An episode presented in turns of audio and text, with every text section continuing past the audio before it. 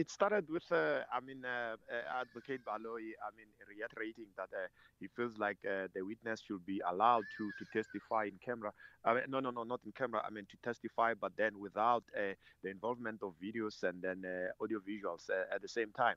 But then the, the, the, we've had the media lawyer objecting to that. I mean, he even called for for the application to be dismissed. I mean, he's arguing that if she really concerned, she was really concerned about that, she would have uh, written to the court and, and and, and and submitted that she wanted the matter to be she wanted the matter to be heard in camera because then she would fear for her life. But no, that's not the case. Uh, she's only talking about uh, things that are around uh, her safety in terms of if she appears on TV. But then at the same time, uh, he he, rose, he, he raised points around her being a, I mean, she have, she have been on, on social media uh, on pictures standing on the lift of the court. I mean, that's the same courtroom that she's refusing. I mean, those are some of the things. But we've had uh, also uh, heads of arguments that presented by uh, Advocate Mshololo from accused number five that actually there are so many things that she's even putting conditions to the court that uh, should the, the, the, the, order not be granted that she's not be uh, she the, her, her testimony not be broadcast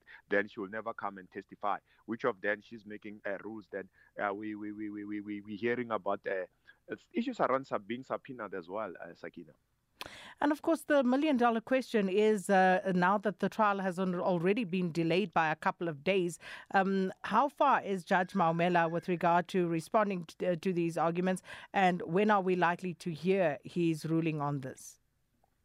Uh, Sakina, uh, you know, in terms of uh, arguments presented in court by Advocate Fiololo, actually that was mentioned that she's not the, the only she's not the only witness in the matter.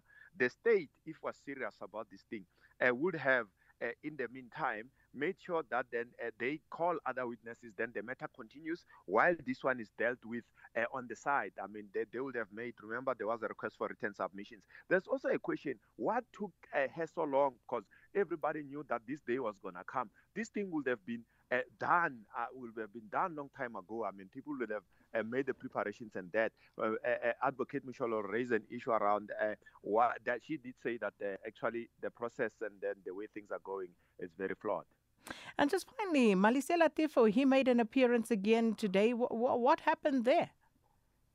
Oh, Sakina, I almost forgot about that drama this morning.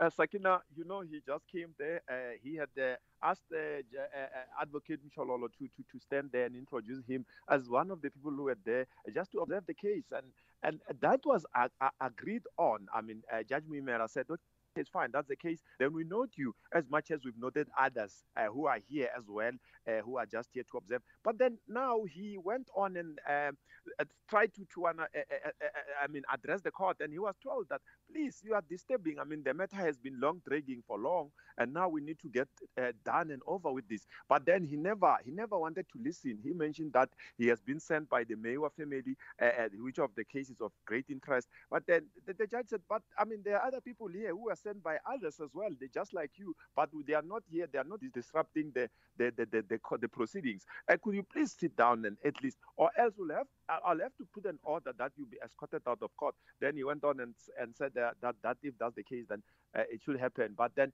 it took long, actually dragged for for some minutes. I mean, uh, before then he could uh, actually sit down. Well, we'll leave it there. Thanks so much. Horisani Sitole is in the Pretoria High Court watching the Senzo Mayua trial for us.